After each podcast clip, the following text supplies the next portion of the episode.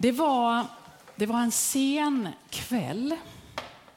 I ett mörkt rum satt en man längst in mot väggen, nersjunken.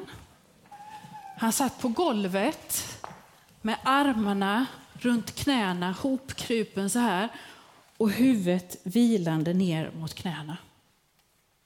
Ibland såg det ut som hans axlar liksom skakade. Grät han? Jo, han gråter. En fullvuxen man som sitter och gråter där inne, långt inne. Plötsligt tog han båda knytnävarna och liksom slog mot huvudet och man kunde se att han ville skrika. Hans kläder avslöjade att han levde för länge sedan och i ett annat land. Ska vi gå fram till honom och kolla hur det är med honom? Nej, nej, nej, nej, nej. nej. Man, man vet ju inte om han kan bli farlig. Jag tänkte inte på det. Men ehm, just det, om, om jag går fram och så stannar ni här och så, så frågar jag honom hur han mår. Är det okej? Okay? Jag, jag, ska inte gå så nära. Jag ska, jag ska bara kolla. Försiktigt gick jag fram mot mannen och satte mig en liten bit bort. Han vaggade fram och tillbaka. Efter en stund så harklade jag mig och mannen ryckte till som om jag skrämde livet ur honom. Han drog sig undan. Vem är du? Ja, jag, jag är ingen särskild, sa jag jag. Jag bara såg att du grät och jag tänkte jag kunde fråga om, om jag kunde hjälpa till med någonting. Mannen tittade på mig och såg ut som om han inte hörde och som om han hade förlorat allt i hela livet. Det finns, det finns ingen hjälp för sådana som jag, sa han. Det finns, det finns ingen hjälp för sådana som jag. Och så sjönk han ihop där mot väggen och började skaka av gråt igen. Ehm, jag förstår att du tänker så, sa jag, men, men jag, kanske, jag kanske tänker annorlunda. Du kan, du kan väl berätta? Om jag berättar så kommer du veta att det är hopplöst. Det är förbi, jag vill inte, jag vill inte leva längre, sa mannen. Ja, nu kunde jag inte gå därifrån. När jag hade gett mig in på ett sånt samtal så kunde jag inte bara gå därifrån när han var så ledsen. Snälla, kan du inte bara berätta så får jag bestämma vad jag tycker? Och sakta började mannen berätta. En gång, sa han, hade han varit fiskare. En duktig fiskare med en egen båt. Och så en dag så blev han vän med Jesus och gick runt och berättade tillsammans med Jesus om Guds rike. Mannen fick vara med och se fantastiska saker som Jesus gjorde och de blev de bästa vänner. Mannen förstod att Jesus var Guds son. Och så kom påsken och Jesus ville gå till Jerusalem fastän han själv sa att det var farligt i Jerusalem. Mannen försökte hindra Jesus. Nej, nej, nej. Men det gick inte. Det blev Jerusalem i alla fall. Och först blev Jesus mottagen som en kung där i Jerusalem. Men det förändrades snabbt. Jesus fick fiender. Och mannen berättade att Jesus hade samlat sina närmsta vänner till en, till en festmåltid. Och mitt under måltiden så hade Jesus pratat om hur Jesus skulle bli tillfångatagen. Att en av de, de närmsta vännerna skulle förråda Jesus. Vad betyder förråda? Vad betyder ja. Svika, ja. En av de närmsta vännerna skulle svika Jesus och lämna över honom till fienderna. Och mannen liksom krympte när han berättade. Han sa, sen sa jag att jag aldrig skulle förråda Jesus. Om jag så skulle bli tillfångatagen och dödad så skulle jag aldrig överge Jesus. Och om jag inte hade vetat innan vem mannen var så visste jag nu. Vet ni vem det är? Är det någon? Du vet. Vet du vem det är? Ja. Du tror det? Vet du också? Det är Petrus, ja.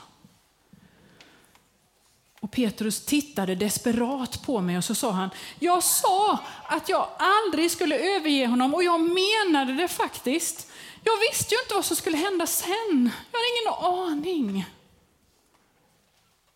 Vad hände sen? Frågade jag, fast jag visste ju egentligen. Vet du? Nej, du vet. Ja. Jesus sa att innan tuppen hade galt så skulle jag, sa Petrus, så skulle jag tre gånger ha förnekat att jag inte ens kände honom. Jesus visste hela tiden vilken tjockskalle jag är. Hela tiden visste han det. Och han visste att han själv skulle bli tillfångatagen. Tempelvakterna kom och hämtade honom och vi blev så rädda. Vi bara sprang åt alla håll, alla lärjungarna. Och... Jag med. Och sen, men sen ville jag se, jag ville se vad som hände med Jesus. Så jag, jag smög efter liksom på avstånd för att bara kolla vad som skulle hända med Jesus. Han var ju min bästa vän. Och så, så satt jag mig där utanför huset där han var fången.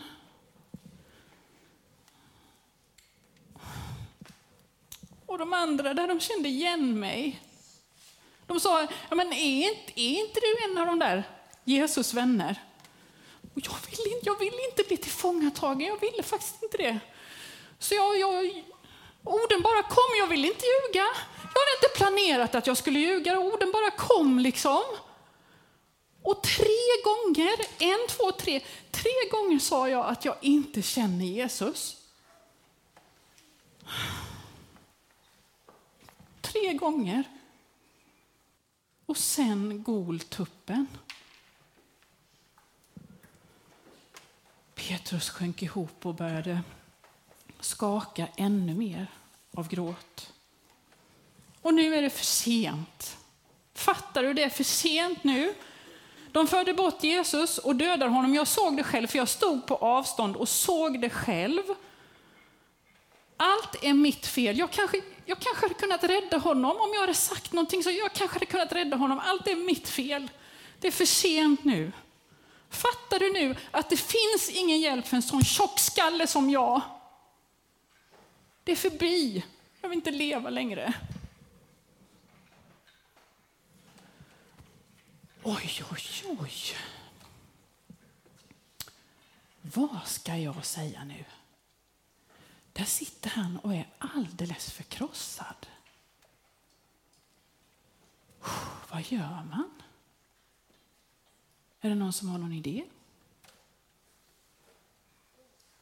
Ja, men vi, vi skulle kunna säga att ja, men, det ordnar sig, ska du se. Det, det, det ordnar sig.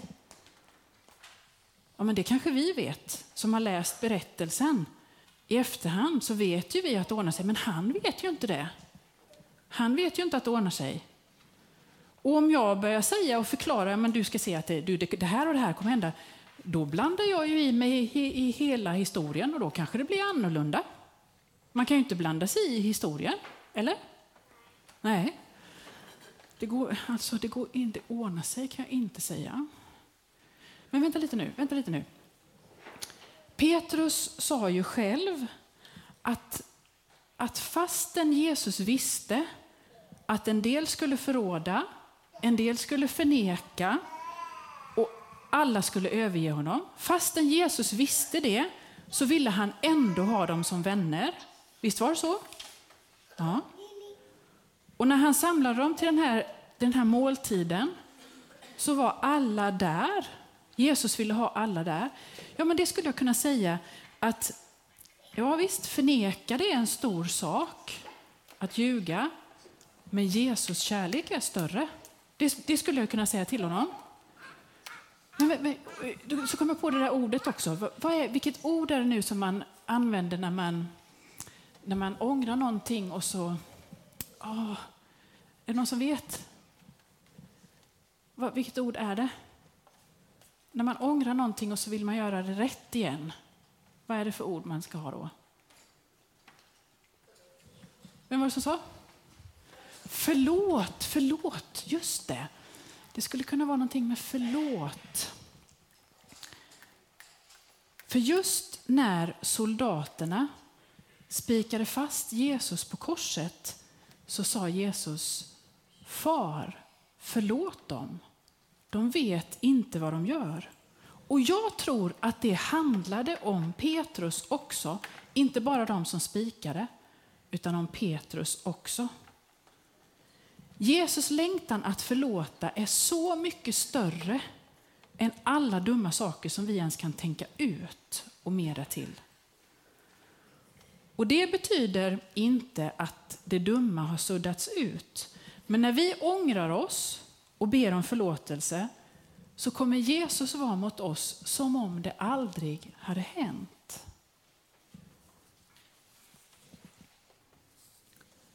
Och det skulle jag kunna säga till Petrus. Vad tror ni om det? Att prata lite om förlåtelse. Tror ni det funkar? Jag gör det. Men vä vä vänta lite. Han är ju inte kvar. Vad konstigt. Jag, jag, jag pratade ju med honom nyss. Såg ni var han tog vägen? Och jag, jag undrar vad det betydde att han kanske sprang.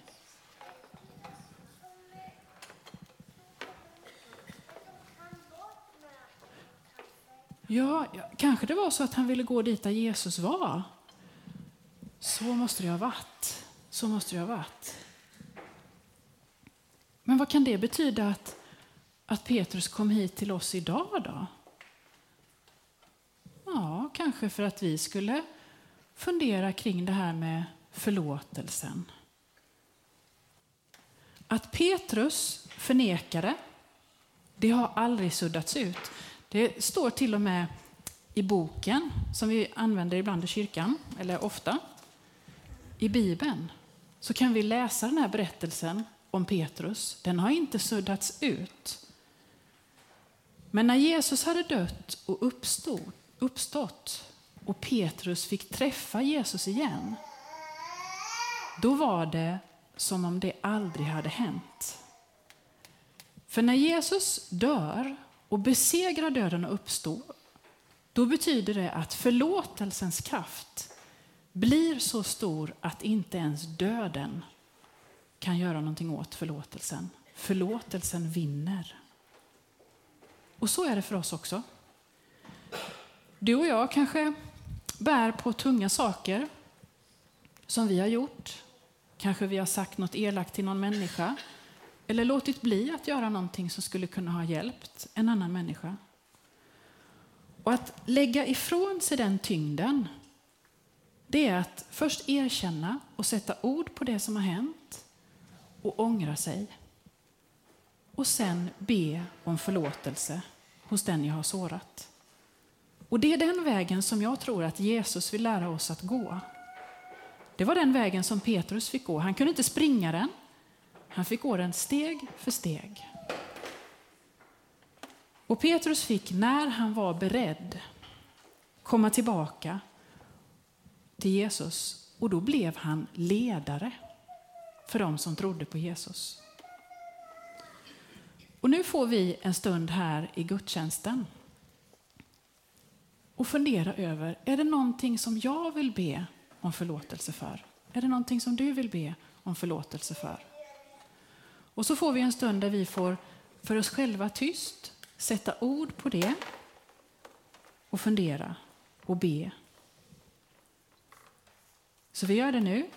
Vi sitter tysta en liten stund. Om man vill koncentrera sig så kan man få blunda Och sen så kommer vi tillsammans be en bön som kommer upp här så småningom.